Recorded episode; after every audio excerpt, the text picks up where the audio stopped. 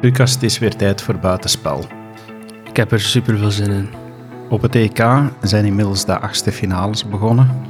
Uh, ja, op het moment dat wij dit opnemen, uh, zijn er al twee wedstrijden gespeeld. Italië en Oostenrijk, dat is 2-1 geworden.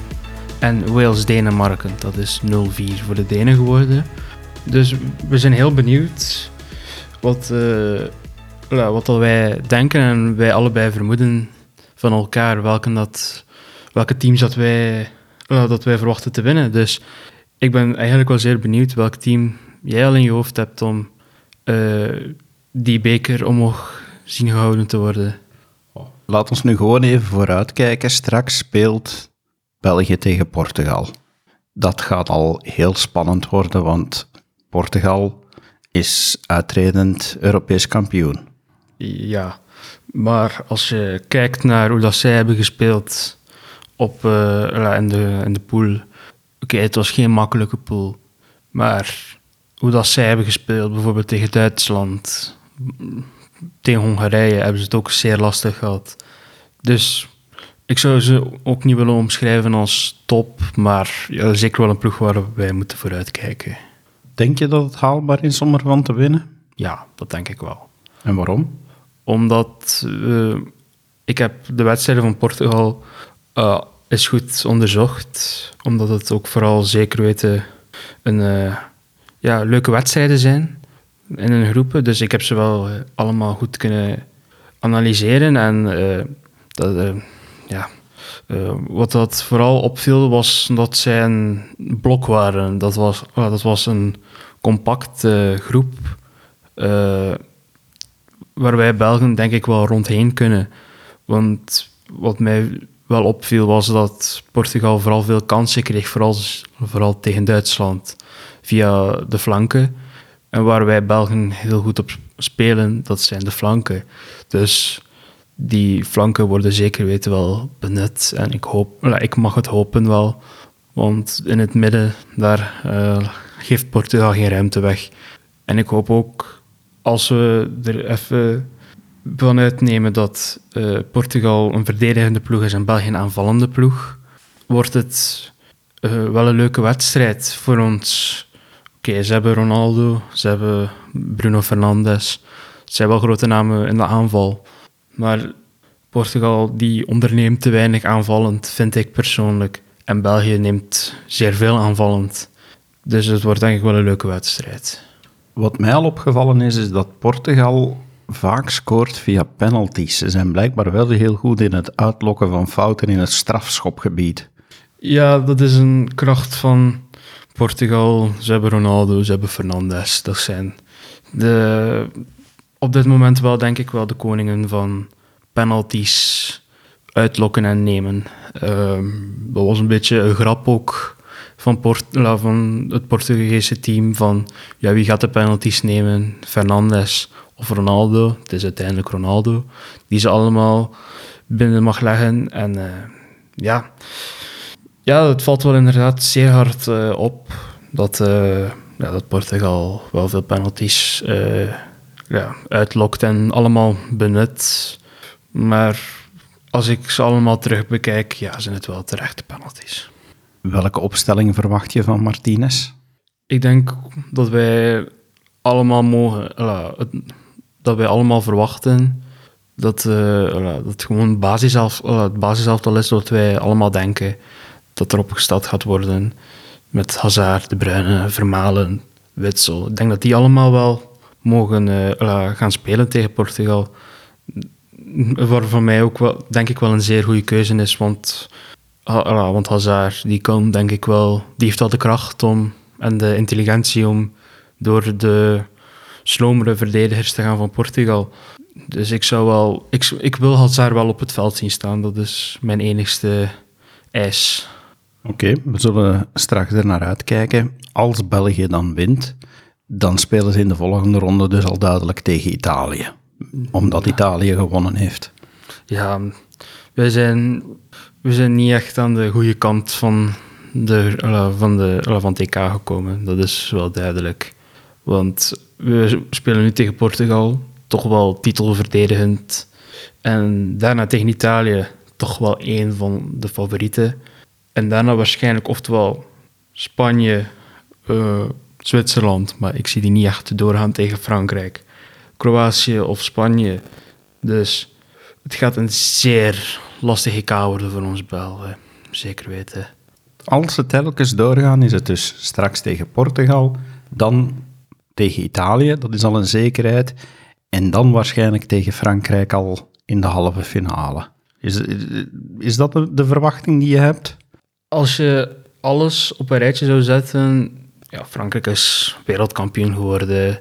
Zij zijn overduidelijk wel favoriet. Zij hebben de, de beste selectie in mijn ogen. Dus ja, het zou eh, als je, je, eh, als je veilig je geld erop zou zetten, zou ik wel voor Frankrijk gaan. Maar als je kijkt naar de, hoe dat zij hebben gespeeld eh, in de groepsfase, ze hebben niet alle punten gepakt, wat ik wel had verwacht van Frankrijk. Maar ik zou ze niet echt als 100% zekerheid willen laten doorgaan. Ik denk uiteindelijk van wel, maar ik zou ook zeker weten een Kroatië nog niet willen afstrepen of een Spanje. En een Zwitserland zie ik misschien ook nog wel, misschien met de hakken over de sloot wel doorgaan. Ja, als Zwitserland doorgaat, ligt Frankrijk eruit. Ja, en laat ons hopen voor revanche van het, EK, van het WK. Sorry. Topper die er ook nog tussen staat in de achtste finales is toch wel Engeland-Duitsland. Ja, eigenlijk is echt wel een beetje jammer dat zij al zo vroeg tegen elkaar moeten. Ik had misschien... We hadden allemaal wel gehoopt dat die in de halve finale tegen elkaar zouden komen. Maar het is niet anders. Ze spelen dan nu al tegen elkaar. Dus eh, ja, zeer jammer, maar wel een kraker van een wedstrijd. En ja, wie verwacht je dan nog eigenlijk die zullen doorstoten naar de kwartfinales? Wie denk je? We weten dus nu al Italië. eh, gaat, er, gaat er naar door? Wie verwacht je nog in de kwartfinales terecht te komen? De wedstrijd die straks nog gespeeld wordt, Nederland-Tsjechië, daar verwacht ik wel Nederland die opstaat en die Tsjechië een lesje leert. Eh, ja, wie heb je nog allemaal? Eh, ja. Ik verwacht wel van de wedstrijd Engeland-Duitsland, verwacht ik dat het een gelijk spelletje wordt. En dat Engeland misschien op penalties doorgaat. Dus ik verwacht Engeland ook wel in de kwartfinales. En bijvoorbeeld Zweden-Oekraïne verwacht ik wel Zweden bovenop. En bijvoorbeeld... En ook nog Spanje-Kroatië. Ik zou eerlijk gezegd wel willen zeggen dat het wel echt een 50-50 pot wordt. Maar ik zeg Kroatië die doorstroomt. Welke finale verwacht je eigenlijk?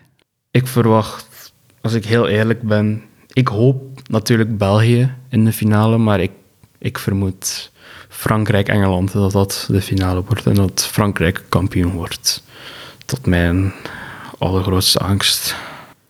Het zal eh, bang afwachten worden. Eh, wat vind je van het EK tot nu toe in het algemeen? Vind je dat er op hoog niveau wordt gespeeld? Ja en nee.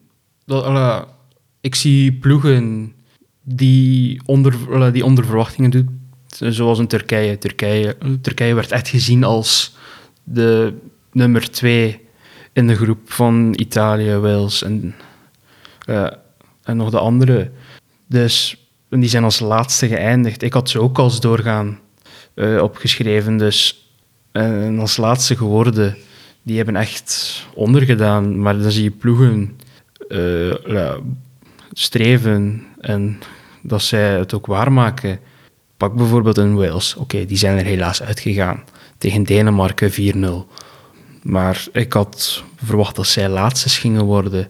Dus als je praat over sommige, over sommige ploegen, ja, kun je wel zeggen, oké, die, doen onder, die doen er onder een niveau of boven een niveau, maar het EK in het algemeen vind ik wel dat het als verwacht...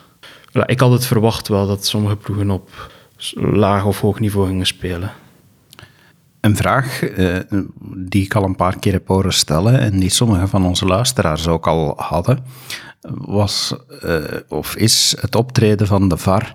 Vind je dat de VAR mm, in dit EK eh, fair optreedt?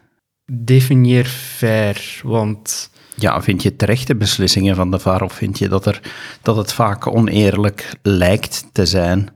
ik denk eerlijk gezegd dat oneerlijk een, een beetje een verkeerde keuze is. Ik zou eerlijk zeggen menselijk. Want bijvoorbeeld het buitenspel van Lukaku tegen Finland. Geen, niemand had gezien dat hij buitenspel stond. Niemand. De grens niet, de scheids niet. Maar als je lijnen gaat trekken, ja, staat hij helaas buitenspel. Maar je kunt niet als mens alla, zijnde zeggen, ah, dat is buitenspel. Ik zie dat in één keer. Ik vind, als het overduidelijk buitenspel is, zoals een been, eh, compleet buitenspel, vind ik dat de VAR kan zeggen, oké, dat, is, dat is overduidelijk buitenspel, geen doelpunt. Maar als het bijvoorbeeld zoals een Lukaku tegen Finland is, laat het doorspelen, laat het gebeuren. Ja, want je noemt daar die nu, maar ja, zet dat beeld een frame eerder stil, omdat je zegt van oké, dat is het moment dat de bal vertrekt, dan staat hij niet buitenspel. hè. Ja, er is ook heel veel discussie over. In principe, ik zou zeggen dat de VAR... Ja, ik ben in principe niet tegen, niet tegen, maar ook niet echt voor. Het is... Ik heb al vaak horen zeggen, het kills the game, maar ook eh, dat het ook wel meer... ja, het heeft zijn voor- en nadelen, laat ik het zo kort verwoorden. Dus ja, ik heb er eerlijk gezegd geen mening over. Dus ja, ik hou mijn mening er wel buiten. Er is inmiddels al een beslissing genomen voor de volgende keer. De UEFA eh, het doet een verandering aan de uitdoelpunten. Dat die niet meer gaan doorwegen bij een eh, gelijke stand als je de twee wedstrijden optelt. Dat is bij de Champions League. Is dat bij de Champions League dat het... eh, Ja, want tijdens het EK spelen geen twee ploegen tegen elkaar twee keer. Dat is enkel bij de Champions League. Oké, dan was ik dus mis. En, dus ook weer iets bijgeleerd. Goed. Ehm, zijn er bij de andere wedstrijden nog eh, wedstrijden waar je naar uitkijkt? Ik kijk naar iedere wedstrijd uit, want ik hoop dat... eh, je maakt altijd wel iets mee bij een wedstrijd waar je verwacht dat het heel saai gaat worden. Misschien iets positiefs, iets negatiefs. Als je bijvoorbeeld kijkt naar eh, Denemarken-Finland. Volgens mij heeft bijna niemand buiten de echte, echte diehard supporters van voetbal daarnaar gekeken. En wat gebeurt er? Eriksen valt op de grond met een hartaanval of een hartstilstand. Dus het zijn misschien in die kleine wedstrijden waar dat je verwacht van niemand kijkt daarnaar, dat daar wel misschien de beste dingen in gebeuren. Dus ik kijk met, veel plezier naar iedere wedstrijd om te zien wat dat er allemaal gebeurt. Goed, dan zullen we blijven verder kijken. Eh, het eh, zal zo zijn dat wij een tijdje uit de lucht gaan, want de vakanties beginnen nu. Dus eh, dit is voorlopig de laatste aflevering van Buitenspel voor deze zomer. En zijn er nog bepaalde dingen waar je in de zomer naar uitkijkt? Ja, natuurlijk de finale, want dat, dat wordt waarschijnlijk een groot feest. Dat wordt heel veel artiesten die, denk ik wel, van tevoren iets hebben voorbereid om ja, daar eh, misschien live, als het toegestaan is, te staan. Dus dat wordt een heel, een heel mooie show met veel vuurwerk waarschijnlijk, veel decoratie. Dus de finale kijk ik wel zeker naar uit. Goed. Fijne zomer, eh, ook aan de luisteraars. En eh, tot een volgende keer. Salut!